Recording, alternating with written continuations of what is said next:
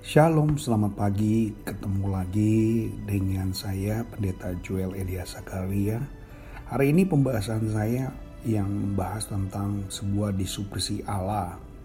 Ya, kalau kita lihat COVID-19 ya dalam artikel di Forbes Middle East April 2020 mempertanyakan apakah COVID-19 ini membawa kepada sebuah disupresi dan menuju tatanan dunia baru dengan 10 area yang terdampak sekali dari COVID-19 ini ya. Dari perimbangan kekuatan bangsa-bangsa, otomatisasi produksi, peningkatan keyakinan terhadap teknologi, turunnya perjalanan bisnis, bangkitnya era jet pribadi, pemanfaatan pelayanan elektronik, ya pemerintah, investasi besar dan pelayanan kesehatan, ya bertumbuhnya kepercayaan pada pemerintah daerah, perubahan hubungan sosial dengan Zoom, membaiknya iklim dan transformasi pendidikan dengan meningkatnya kesadaran pendidikan yang berbasis teknologi, kita lihat semuanya perjalanan itu sudah mulai terjadi.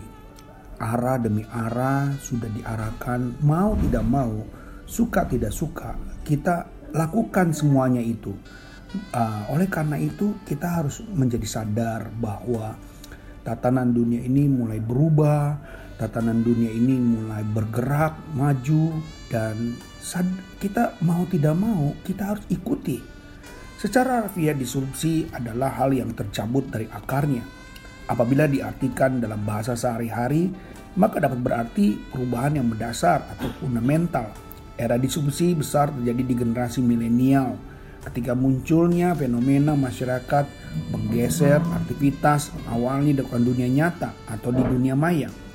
COVID-19 ini seakan membawa kita kepada sebuah perubahan yang sangat mendasar ya. Kita tahu bahwa COVID-19 ini membawa sebuah tatanan yang tadi saya katakan tatanan yang baru yang membuat kita semakin hari harus uh, suka tidak suka mau tidak mau kita harus melakukannya Nah, prinsip Alkitab yaitu segala yang ada dan yang terlihat atau visible ya, visible di dunia ini dahulu dan terkait dengan hal rohani dan yang tidak terlihat atau invisible. Mari kita lihat dalam 2 Tawarik 15 ayat 56 katakan begini. Pada zaman itu tidak ada orang pergi dan pulang dengan selamat karena terdapat kekacauan yang besar di antara segenap penduduk daerah-daerah. Bangsa menghancurkan bangsa, kota menghancurkan kota, karena Allah mengacaukan mereka dengan berbagai kesesakan. Gambaran dunia mengalami chaos, ya chaos ini ada kekacauan dan tidak adanya kedamaian, tercekam rasa takut, kesesakan, ketegangan di antara pemerintah dan bangsa-bangsa. Bahkan hari ini dunia semua mengalami yang namanya uh, kekacauan. Dunia ini mengalami ketegangan, ya. Kita tahu semua dunia sedang sakit dan kita pun sedang berjuang melawan penyakit. Keadaan ini muncul karena masalah rohani. Di dalam perjanjian lama apabila umat Allah tidak mendengar dan mentaati ketetapannya, maka Allah mendatangkan penghakiman kepada mereka. Tetapi di dalam perjanjian baru telah Yesus menggantikan kita dalam menerima kemurkaan itu di kayu salib, di gunung Golgota, di atas gunung Kalvari, maka kita beroleh hubungan kembali, ya, dirajut kembali, didamaikan. Allah tidak melakukan seperti yang terjadi dalam perjanjian lama kalau kita masih mengalami hal-hal di dalam perjanjian lama, mungkin kita nggak sanggup lagi untuk menghadapinya. Percayalah, kasih Tuhan juga lah yang kembali lagi untuk membuat kita menjadi kembali normal. Akan tetapi ada yang dinamakan kemurkaan Allah secara pasif. Dalam Roma 1 ayat 24, 26, 28 di mana ada kejahatan manusia tiga kali disebutkan. Allah menyerahkan mereka jadi bukan Allah yang mendatangkan murka, tetapi Allah menyerahkan mereka kepada kecemaran Allah menyerahkan mereka kepada hawa nafsu. Allah menyerahkan mereka hal-hal yang pikiran yang terkutuk, hal yang memalukan. Dalam alasan ini di kalau kita lihat tadi di dalam Roma 1:24 katakan sekalipun mengenal Allah, mereka tidak memuliakan Allah dan bersyukur kepadanya. Jelas alasan kekacauan adalah hal rohani. Ya, kita lihat sendiri untuk beribadah kita sudah tidak lagi dalam tekanan tetapi kembali lagi kepada diri kita Mau setia, tidak setia, kembali lagi kepada Tuhan, berbalik lagi kepada uh, penyakit yang ada ataupun serangan virus ini yang membuat semuanya menjadi galau. Apa pun yang dianggap normal, walaupun itu dosa di hadapan Allah, maka Allah mengizinkan terjadi disrupsi Allah. Dengan mengizinkan tidak adanya damai dan banyaknya berbagai kesesakan, Kalau kita kembali pada 2 Tawarik 15 ayat 3, maka kita temukan tiga alasan besar yang terjadi. Yang pertama, saya mencatat di sini, adanya Allah yang benar. Berarti muncul banyak Allah palsu dan berhala. Berhala adalah orang, tempat, atau benda, atau pikiran juga yang menggantikan posisi Allah yang pertama atau sebagai yang utama. Kita membuat keempat hal itu menjadi sumber dan andalan kita. Bisa itu teknologi, keuangan, senjata, filsafat, agama, karir, hobi kita. Itu yang pertama. Tidak adanya Allah yang benar. Yang kedua, tidak ada pengajaran yang imam.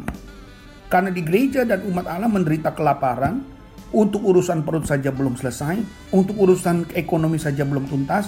Nah, lihat, kita sudah lihat malnutrisi, dari mimbar dipenuhi dengan pengajaran motivasi moral tanpa memberitakan firman dari sejatinya Allah. Kita lebih suka mendengar pendapat manusia, standar dan aturan sendiri, dan bukan aturan standar daripada Kristus sesuai dengan firman Allah. Bila kita ingin menyelesaikan masalah dengan serius, kita harus hidup di bawah standarnya Allah, bukan standar dunia. Ukuran kita adalah ukuran Allah, ukuran firman, bukan ukuran dunia. Mari kita jawab, semuanya hanya lewat kebenaran firman Allah. Yang ketiga, tidak adanya hukum. Tidak adanya tuntutan ilahi dan pengaturan perilaku atas tindakan-tindakan yang sudah kita lakukan. Keadaan yang sekadang bukan Tuhan diciptakan bahkan setan, tetapi karena manusia telah meninggalkan Allah dan hukum-hukumnya, maka setan akhirnya mengambil kesempatan itu. Sebenarnya Allah sudah melindungi, Allah sudah melindungi kita. Providensia Allah ada dalam diri kita. Hanya manusia mengabaikan, manusia membiarkan sehingga pembiaran-pembiaran ini ditarik oleh iblis, diambil dan dijadikan satu belenggu. Nah ini berbahaya sekali. Solusi terhadap kekacauan dan berbagai kesesakan adalah dalam ayat yang keempat kalau kita lihat. Tetapi dalam kesesakan mereka berbalik kepada Tuhan Allah Israel. Mereka mencarinya dan ia berkenan ditemui da oleh mereka. Allah mengizinkan pandemi ini. Allah mengizinkan virus COVID-19 ini. Untuk mendapatkan kembali perhatian kita kepada dia dia mau kita membangun hubungan pribadi. Dia mau kita intim kepada dia. Bukan hanya sekedar ritual atau tradisi atau kebiasaan. Kewajiban mingguan. Atau hanya sebagai keharusan karena kita orang yang beragama Kristen. Tapi dengar baik, kita perlu bangun fondasi yang kuat, yang kokoh secara pribadi, bukan hanya mencari Tuhan ketika kita sedang dalam keadaan butuh, jangan hanya mencari Tuhan ketika kita dalam keadaan terdesak, baru kita menghadap kepada Tuhan. Why?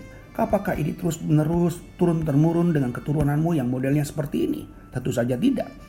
Bukankah Tuhan sudah berjanji dan dia akan berkenan ditemui dan menyertai kita?